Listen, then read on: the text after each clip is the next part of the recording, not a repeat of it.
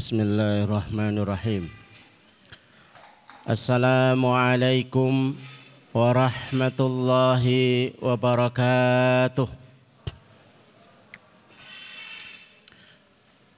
الحمد لله رب العالمين والصلاة والسلام على أشرف الأنبياء والمرسلين وعلى آله وأصحابه وعلى ومن تبعهم بإحسان إلى يوم الدين. أشهد أن لا إله إلا الله وحده لا شريك له وأشهد أن محمدا عبده ونبيه ورسوله لا نبي ولا رسول بعده. Allahumma asrah sudurana wa tazawwas an sayiatina wa hab lana fahmal anbiya'i wal mursalin wa hab lana fahmas salafus salih. Allahumma anfa'na bima 'allamtana wa 'allimna ma yanfa'una wa zidna ilman wa na'udzu billahi min ahwali ahli nar. Allahumma la sahla illa ma ja'altahu sahla wa anta taj'alul hazna idza syi'ta sahla. Rabbi israh li sadri wa amri wahlul 'uqdatam min lisani yafqahu qawli rabbi zidni ilma. Ilma lana illa ma 'allamtana innaka antal hakim. Rabbana atina min ladunka rahmah wa hayyi lana min amrina rasada. Amma ba'd. Bapak, Ibu, jamaah yang semoga dirahmati Allah, semoga diberkahi oleh Allah Subhanahu wa taala dan semoga dicintai oleh Allah Subhanahu wa taala. Alhamdulillah. Sore hari ini dimampukan Allah untuk hadir di majelis yang menurut persangkaan kita akan bertambah iman kita, akan bertambah amal kita, akan bertambah yakin kita, dan mudah-mudahan akan bertambah barokah kita, barokah waktu, barokah usia, barokah amal, dan barokah karya di dunia ini. Awalnya kita mendapatkan ilmu. Ilmu itu berusaha untuk dicoba. Setelah dicoba dan terus berulang-ulang ditempa, dinaikkan frekuensinya, levelnya, tangga demi tangga. Harapannya agar tertanam kuat di hati kita sebuah pengalaman baik antara kita sebagai hamba dengan Allah Azza wa Jalla yang maha kuasa, maha kaya, maha bisa. Agar kenangan itu terjaga. Sejujurnya kenangan baik kita tentang Allah itu sering hilang atau dirusak oleh pengalaman buruk kita. Jadi kalau Bapak Ibu itu ditanya sakit itu yang ngasih siapa? Allah. Sembuh yang ngasih siapa? Allah. Kalau sakit kemudian sembuh, kenangan yang masih ingat selama ini apa? Apa Bapak Ibu? Hmm. Itu memori yang masih terekam terus. Dapat rezeki dan hutang. Yang membuat panjenengan dapat rezeki itu Allah. Yang membuat panjenengan itu berhutang Allah. Semuanya punya hikmah. Tapi kalau ditanya rekaman yang sampai sekarang itu filenya tidak hilang. Spamnya itu masih terjaga. Awet. Itu rekaman berhutang ataukah rekaman dapat rezeki? Hmm. Terus akhirnya jenengan sering dapat rezeki atau sering dapat hutang? Lah. Oh ternyata. Maka yang harus banyak dihadirkan, dirawat, rekaman baik saja. Allah kita itu baik, menjawab doa-doa kita, menolong setiap kesusahan. Mayoritas mereka yang akan mengawali bisnis, jualan, itu yang dikhawatirkan apa Bapak Ibu? Kalau jualan yang dikhawatirkan apa?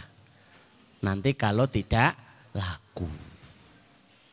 Kenapa enggak dikhawatirkan nanti kalau kaya gimana ya? Terus cepat punya rumah gimana ya? Mobilnya banyak gimana ya? Jariahnya besar gimana ya? Nanti gimana ya kalau saya transfer ke yayasan itu 1 M? Wah ngeri itu. Ternyata soalan amal yang direncana dalam rasa dan hati itu butuh dilatih. Kalau amal fisik itu butuh dilatih dan ditempa, amal lisan butuh dilatih dan ditempa, amal rasa yang itu pusatnya di hati butuh ditempa dan dilatih juga. Bapak Ibu yang dirahmati Allah, kita masuk materi kita melanjutkan ini adalah seri yang kedua dari yang kemarin. Judulnya masih anti keluh kesah. Sumber keluh kesah sudah kita ketahui. Eh, kenapa kita itu mesti keluh kesah dalam hidup kita? Jawabannya apa Bapak Ibu? Karena kita manusia. Kalau sudah berubah status menjadi malaikat, malaikat itu enggak mengeluh kok belum makan siang ya? Malaikat nggak makan. Pernah dengar nggak informasi malaikat bermasalah dengan pasangan? Padu. Pernah dengar informasinya? Lo nggak punya nafsu, ya nggak menikah. Oh ternyata yang punya masalah mengeluh. Mengeluh, mengeluh, mengeluh kemudian menjadi keluh kesah. Itu ya manusia. Selama kita statusnya masih manusia, pasti akan bertemu dengan keluh kesah. Bentuknya keluh kesah itu ada yang bentuknya itu adalah kebaikan, ada yang bentuknya itu adalah keburukan. Mari kita masuk yang kemarin, tempat keluh kesah. Saat disapa keburukan, yang kedua saat disapa kebaikan. Mohon maaf Bapak Ibu agak ada tambahan batuk-batuknya, ini bukan direncana gitu.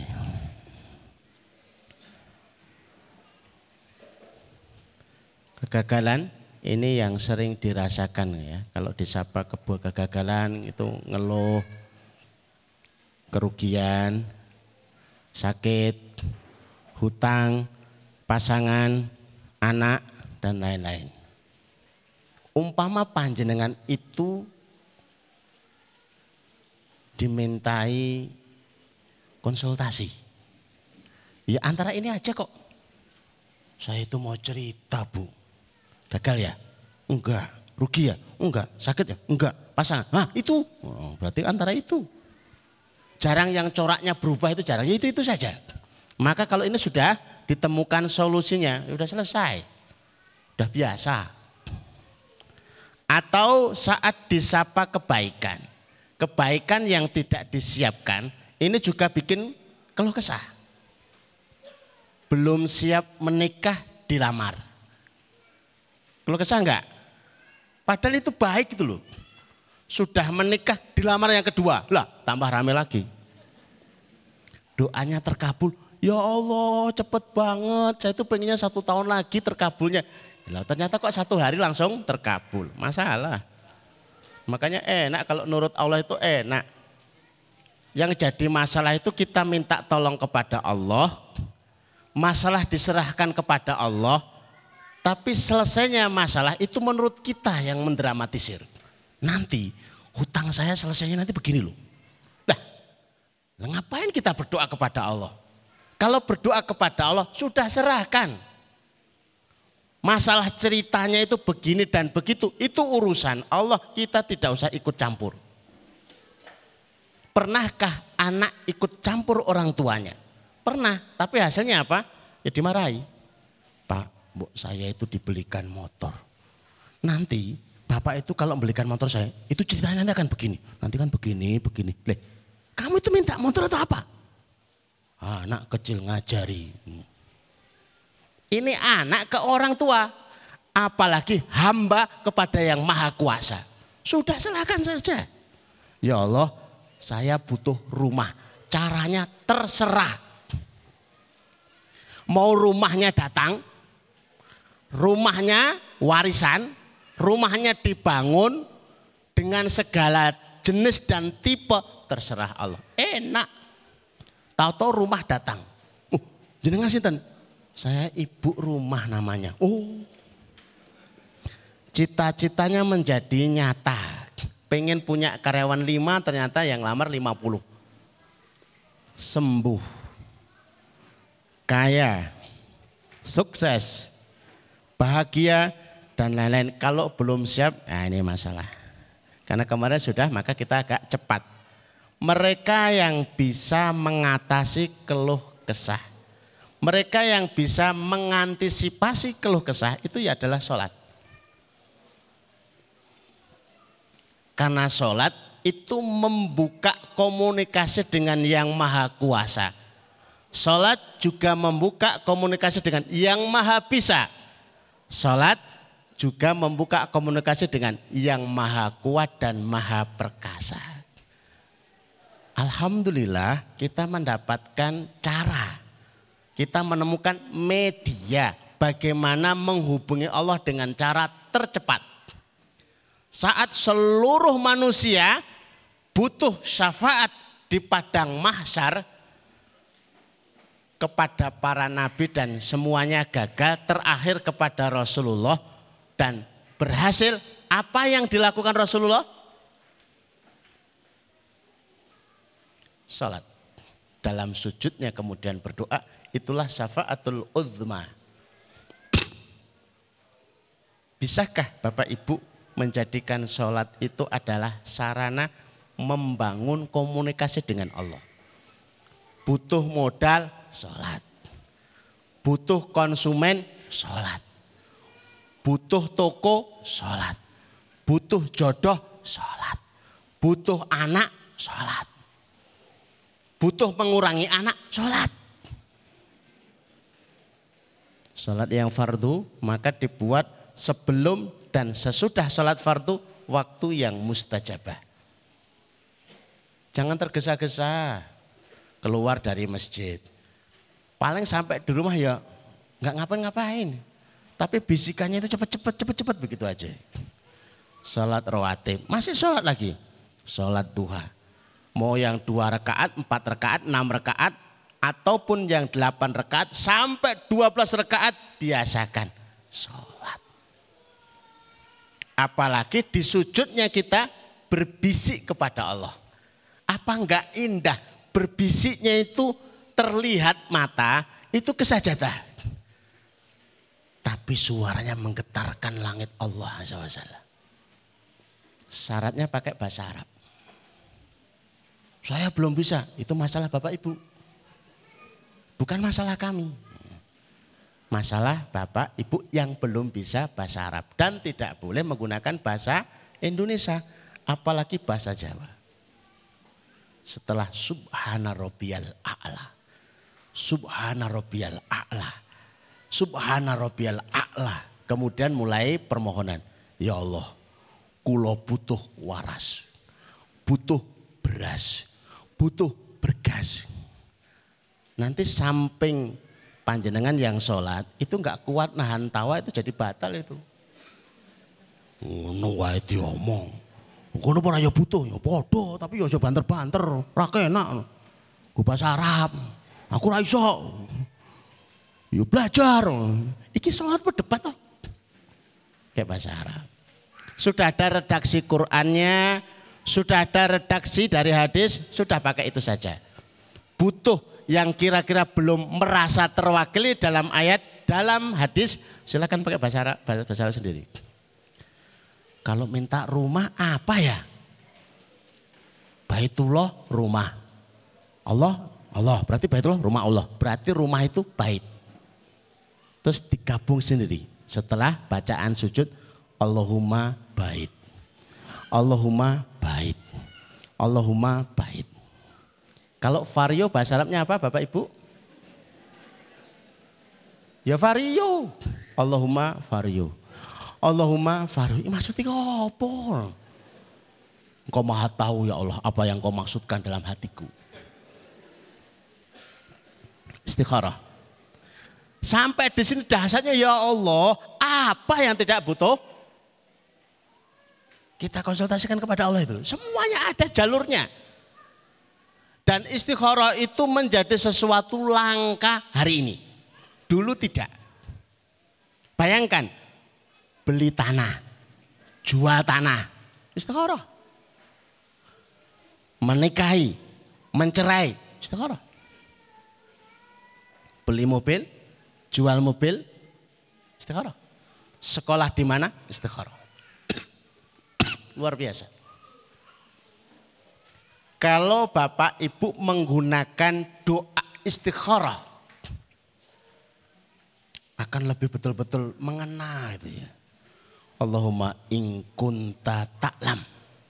Ya Allah, jika engkau mengetahui fulan ini khairuli baik untukku.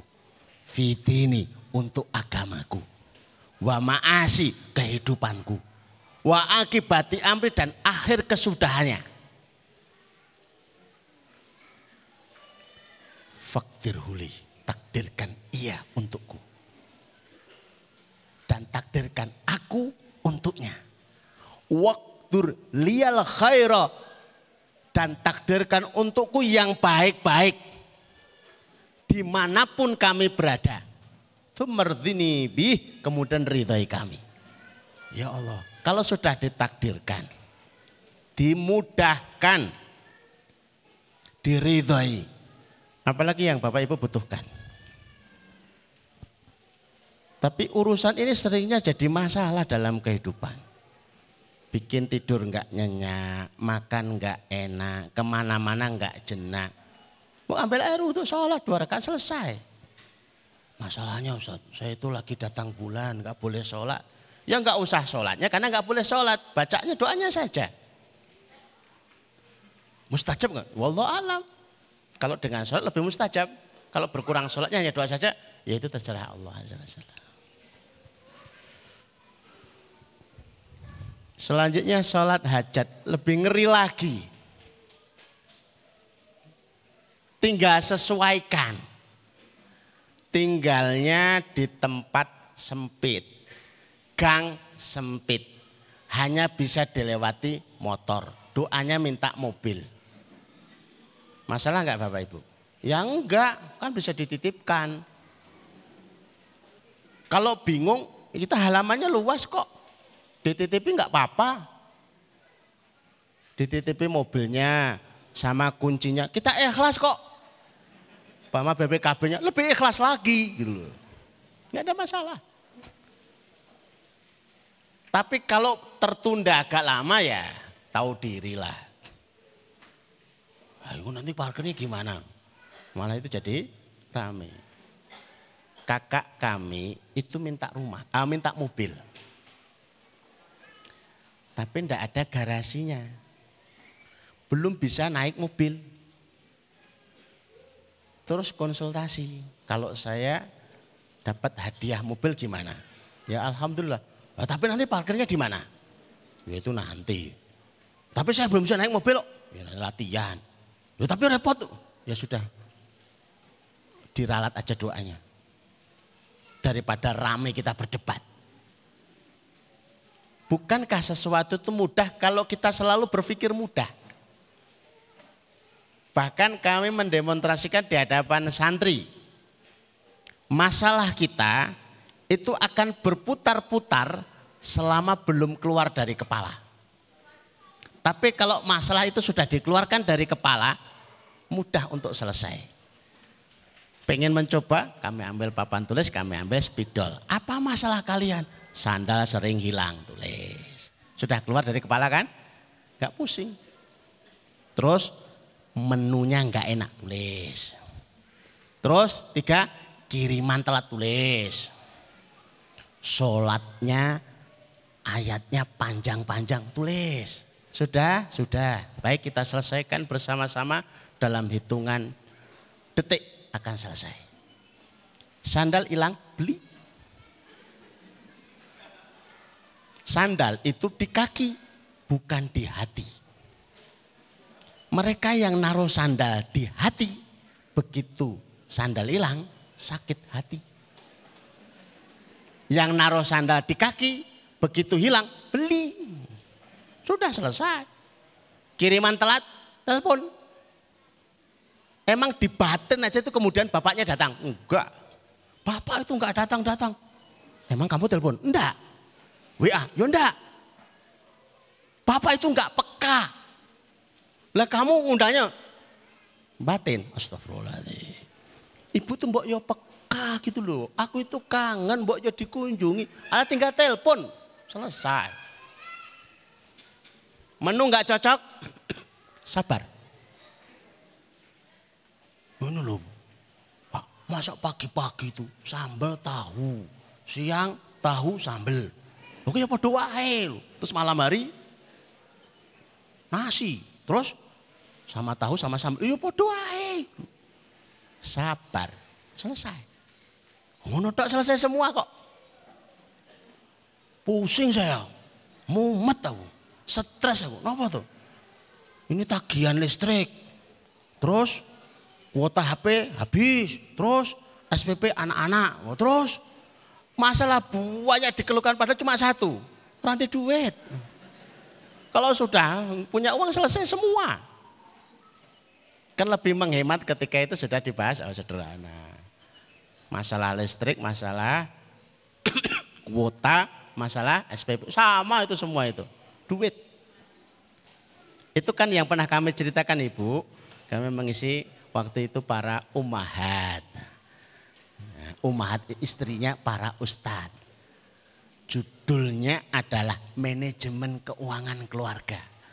Keren banget. Jangan pernah ngundang lagi nih. Sudah tak peringatkan, jangan diundang lagi tentang ini. Kecewa, saya aja kecewa.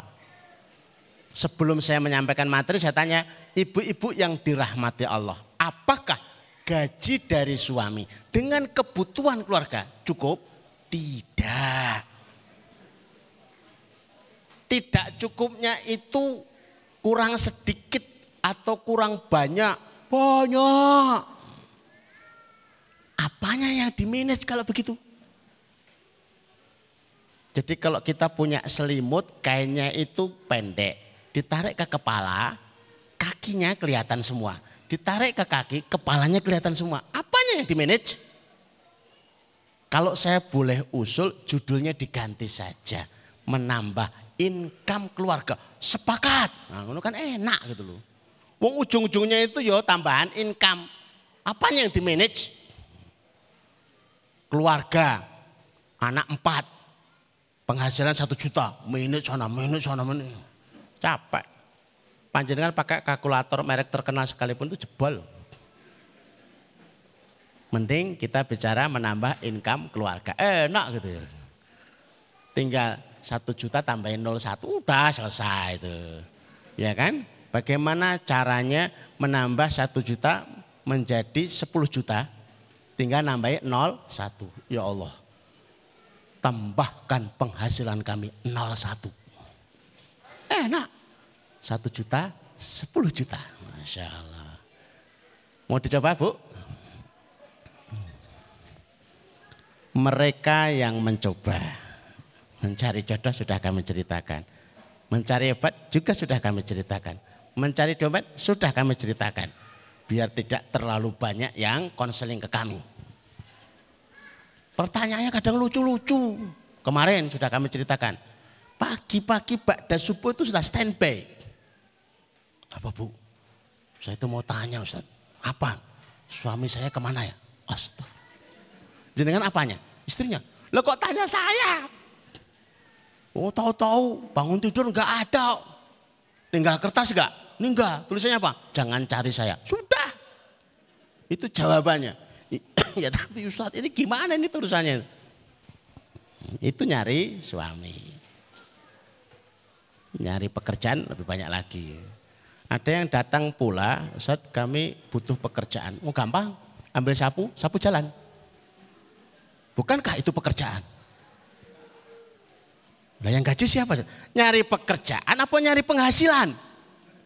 Nah, maka Bapak Ibu yang punya usaha, panjenengan itu mau cari penghasilan atau nyari pekerjaan.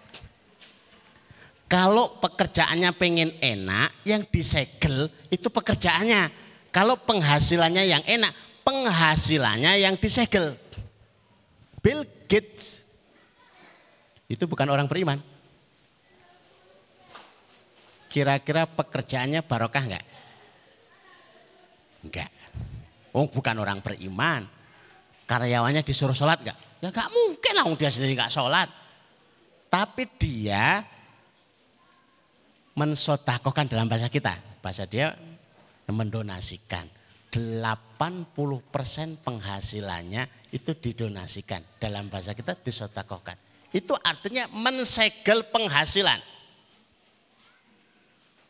Ngantor ya sukses, gak ngantor, ya sukses. Nambah karyawan, ya sukses. Gak nambah, ya sukses. Karena apa? Disegel penghasilannya. Kalau Bapak Ibu pengen yang diamankan penghasilannya apa pekerjaannya? Karyawan saya itu repot-repot, sering telat. pengen karyawannya baik, apa penghasilannya baik? Kalau karyawannya yang baik, yang disegel bagaimana ibadahnya karyawan selesai.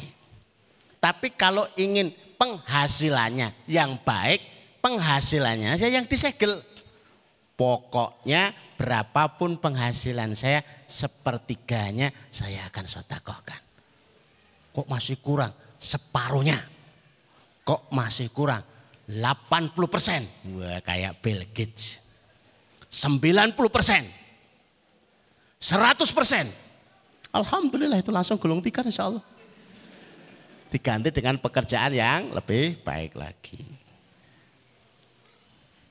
Termasuk mencari istri yang mencoba nyari istri. Bukan mencari istri untuk dinikahi. Sudah jadi istrinya terus hilang. Berangkat ke pasar, ternyata dicari-cari nggak ketemu. Begitu sudah nyambung, ada sinyal, Bu di mana? Saya di Sumatera. Astagfirullahaladzim.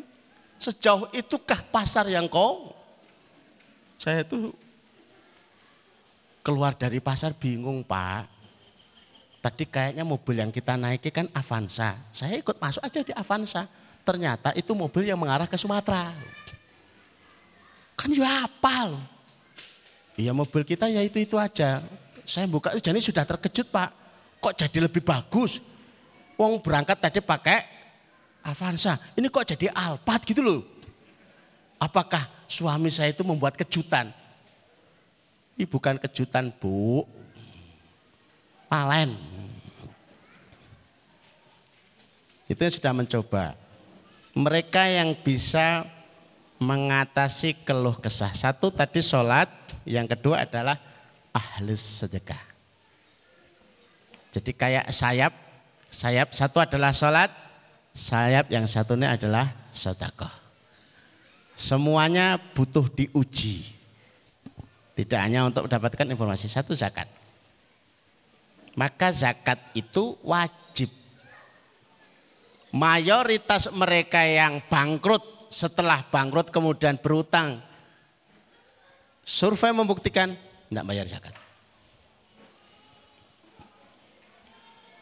Ini enggak nyindir loh Bapak Ibu.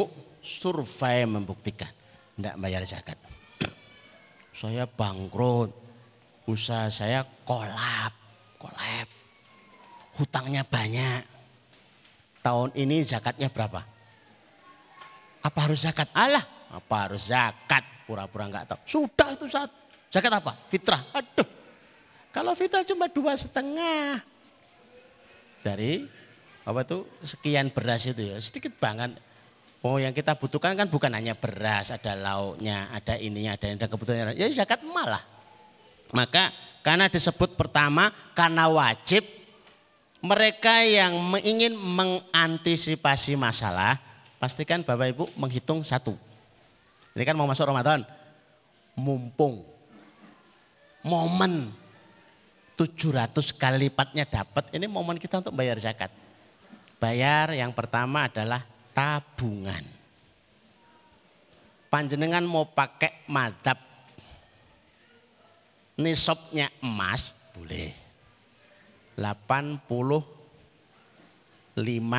gram senilai atau yang senilai dengan itu. Pakai madhabnya itu perak juga boleh. Jadi kalau emas ya kira-kira sekitar 42,5 juta. Itu keluarkan zakatnya. Atau yang senilai dengan itu. Kalau madhabnya pakai perak 7 juta. Itu keluarkan zakatnya. Yo enak yang 45, 42 juta. Itu kalau enak-enakan. Tapi yang ngerti, kalau bapak ibu saya tanya, panjenengan milih nisab emas atau perak? Cepat dijawab, ini sudah sore. Milih nisab emas atau perak? Semakin cepat dikeluarkan zakat, semakin berlipat harta panjenengan. Zaman Umar bin Abdul Aziz itu hanya 29 bulan memimpin. Hasilnya spektakuler. Keliling di bumi Afrika nawarkan zakat emas tidak ada yang menerima. Karena sudah sejahtera semuanya. Kalau kita keliling bawa zakat emas, kira-kira ada nggak yang menerima di Temanggung ini? Wah ya remuk. Makmur semuanya. Semakin banyak keluar zakatnya, semakin senang, semakin terjamin. Sekiranya 7 juta nisabnya dikeluarkan 200 ribu, dua setengah persennya. 200 ribu zakat itu pahalanya lebih banyak daripada 2 miliar sodako. Karena yang 200 zakat wajib. Yang 2 miliar sedekah. Yang wajib tidak akan pernah bisa dilampaui dengan yang sunnah. Tahajud jam 11 sampai jam 2. Ngantuk-ngantuk, uh, keren. Subuh jam 7 dua rekaat subuh yang dibaca imam rekaat pertama kulhu. Rekaat kedua kulhu lagi. Itu masih bagus. Ada yang subuh itu rekaat pertama yasin Allah sah. Rekaat kedua alif lamim sudah sah. Pendek banget.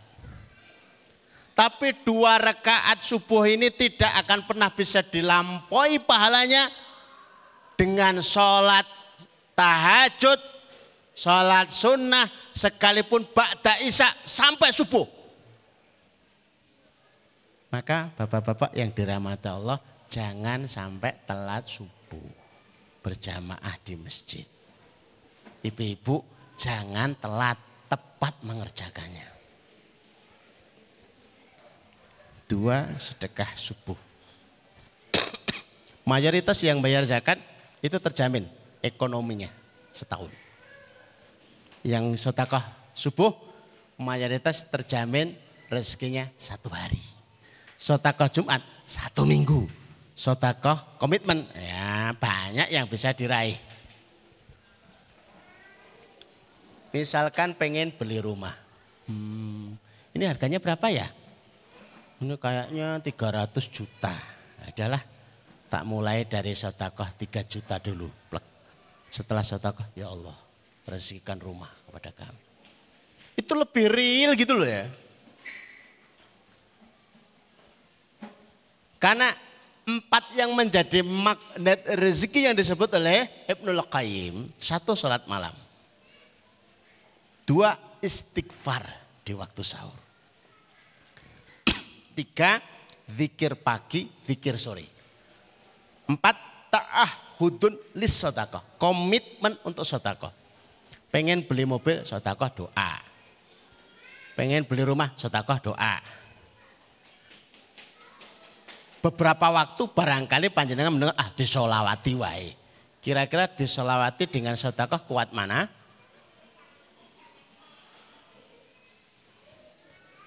Kira-kira kuat mana? Kenapa kok ragu-ragu jawabnya? Ini mesti dikon sedekah. Ngono carane Ustaz kalau ngasih tahu sih ya ngono kuwi ya. Apalagi sedekah ndredeg. Pengen dapat rezeki ndredeg. Ternyata sedekahnya enteng. Pengen dapat hiu umpannya cacing. Bahkan cucunya cacing. Cili. Muka-muka oleh hiu. Belum sempat dimakan hiu itu dari kejauhan ini. Masya Allah. Banget tenan. Orang modal belas. Coba bayangkan. Gak enak loh. Kalau yang ingin diraih itu bikin dredek ya saya takutnya yang dredek itu loh bawa sertifikat ngomong aku ndredeg ora apa-apa. Aku tetap ikhlas kok. Emang dikira kalau jenengan sedekah ndredeg terus kami yang nerima itu ndredeg enggak biasa aja tetap ikhlas. Sertifikat enggak bikin kami ndredeg. BPKP enggak bikin kami ndredeg. Bahkan langsung ditransfer angkanya ditunjukkan. Satu, nol, nol, nol, nol, nol, nol, nol, nol, nol. Ya enggak dredeg. Ustaz dredeg enggak? Enggak, biasa aja. Bahkan dua kali itu juga enggak dredeg. Tiga kali itu enggak dredeg. Biasa saja gitu. Kan menerima. Gitu. Ya, jadi sudah paham ya akhirnya. Oh ternyata untuk mendapatkan tangkapan besar umpannya harus besar. Lah, lah kok kita jadi ketagihan ada sodakoh hadiah. Tadi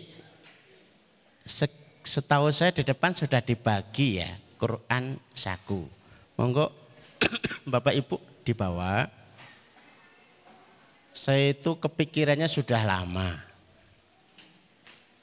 Untuk menjadikan satu buku yang biasa dibaca Rasulullah Ba'da Isa sampai tidur. Ternyata Rasulullah itu suka melazimi musabbihat. Ayat-ayat yang diawali dengan yusabbihu sabbaha. Itu ada tujuh surat. Bila ditambahkan dengan eh, surat-surat yang lain biar agak panjang. Itu khasiatnya apa Ustaz? Saya nggak mau menjelaskan. Lebih baik dicoba aja dulu. Seringnya kita itu modelnya begitu khasiatnya apa?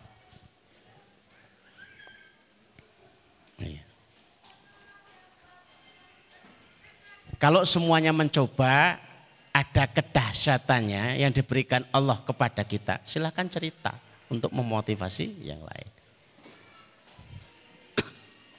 Jadi di sana tadi kayaknya 500 buku. Monggo dibeto kondur, dibagi-bagi tidak ada masalah, biar cepat habis.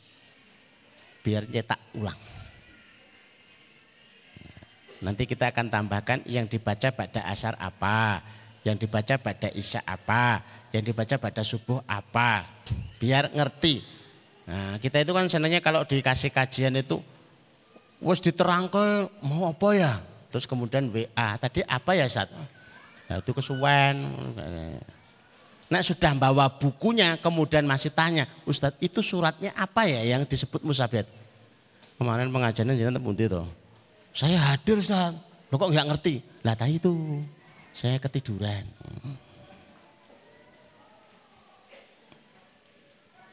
Tuh, nggak gerak. Nah, mereka yang sudah mencoba, ternyata waktunya habis. Apa mau jadi tiga kali ya?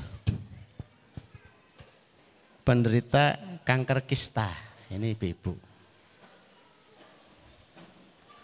Yang cerita itu Ustaz, saya ke dokter, kata dokter saya kena kanker kista. Terus saya tanya, ibu waktu diperiksa dokter itu dikasih tahu sekalian enggak? Biaya operasinya itu berapa? Sudah Ustaz. Terus ndredeg. Lha napa? Akeh. keluarkan separuhnya. Sotakohkan. Kalau berkenan, dikasihkan sendiri. Kalau kerepotan, bisa nitip sama kami. Ke siapa Ustaz? Kepada mereka yang sakit. Kalau perlu yang operasi sekalian. Biar penyakit semisal itu diobati dengan sedekah yang semisal. Akhirnya nitip separuh. Saya kasihkan kepada uh, orang tua yang anaknya katanya harus operasi steroid. Tiga bulan kemudian, ya Allah Ustaz, Alhamdulillah. Lalu kenapa? Sembuh. Ini pembantu rumah tangga kami udah cerita kayaknya. Ini juga sudah cerita. Ini sudah juga. Ya, kalau ini adik kami, usianya sudah 35 tahun. Gagal, gagal, gagal, gagal. Akhirnya datang dari Jakarta, adik angkat. Ini repot, gagal terus. Ya kalau susah yuk dibeli saja. Bagaimana caranya beli jodoh? Jodoh yang istimewa enggak? Istimewa. Berarti yang diberikan bayarnya istimewa. Yang istimewa jangan yang biasa-biasa saja. Sertifikatmu mana?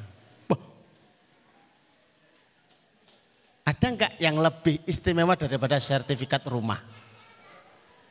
Gak ada. Ya sudah sini. Oh, galak. Milih mana? Rumah tanpa suami atau suami tanpa rumah?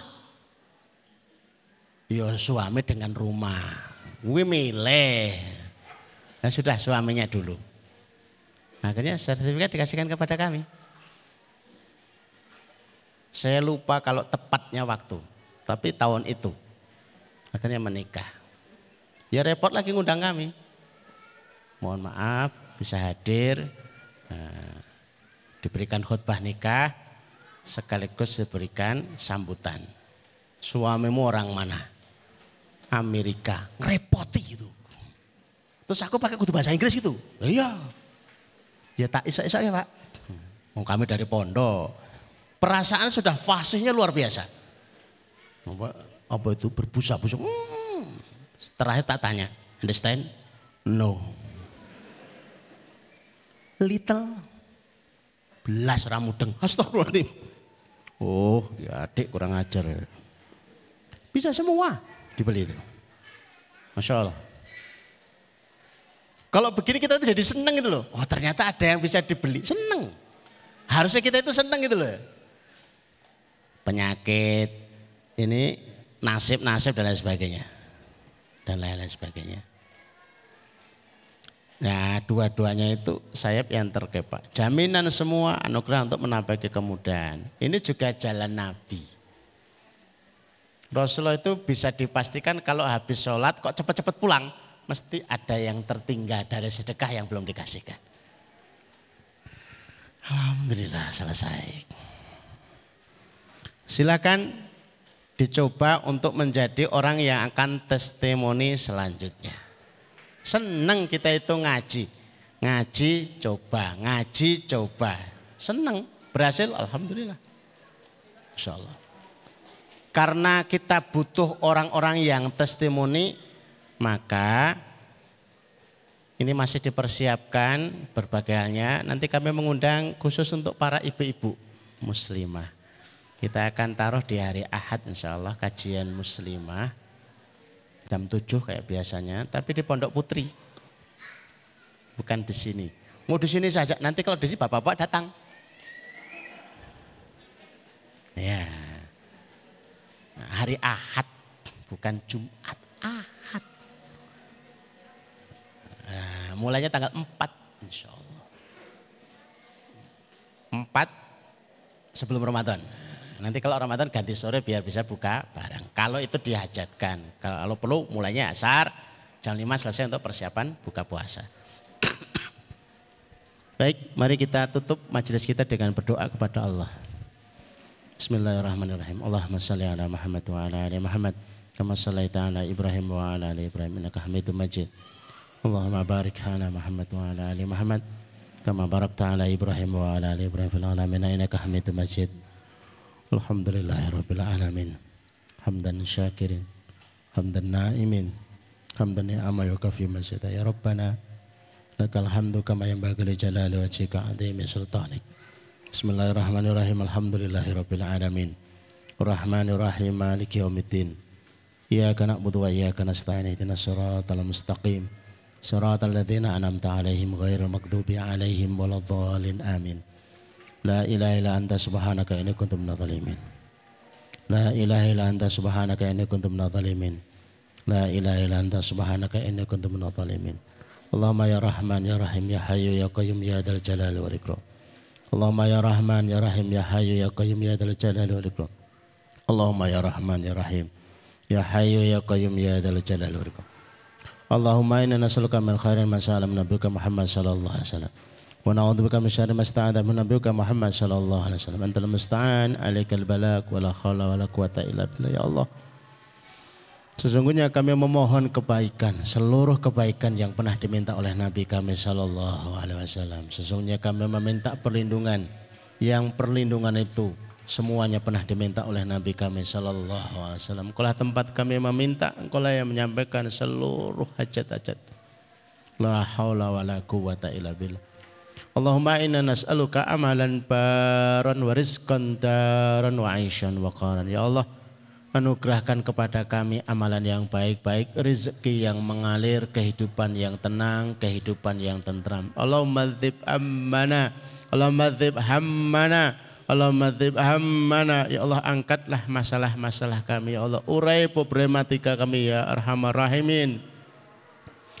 اللهم اكفينا بحلالك عن حرامك واغننا بفضلك عمن سواك اللهم اكفينا بحلالك عن حرامك واغننا بفضلك عمن سواك اللهم اكفينا بحلالك عن حرامك واغننا بفضلك عمن سواك ya Allah cukupkan kami dengan yang halal sehingga kami tidak berselela dengan yang haram ya Allah kayakan kami dengan anugerahmu sehingga kami tidak butuh kepada selainmu. Birahmatika ya arhamar rahimin.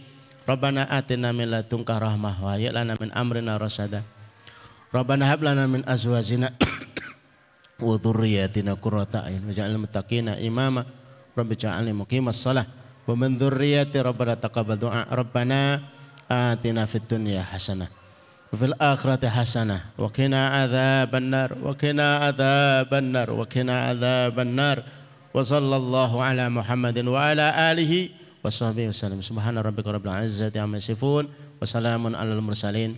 والحمد لله رب العالمين. أقول قولي هذا نستغفر لكم. السلام عليكم ورحمة الله وبركاته.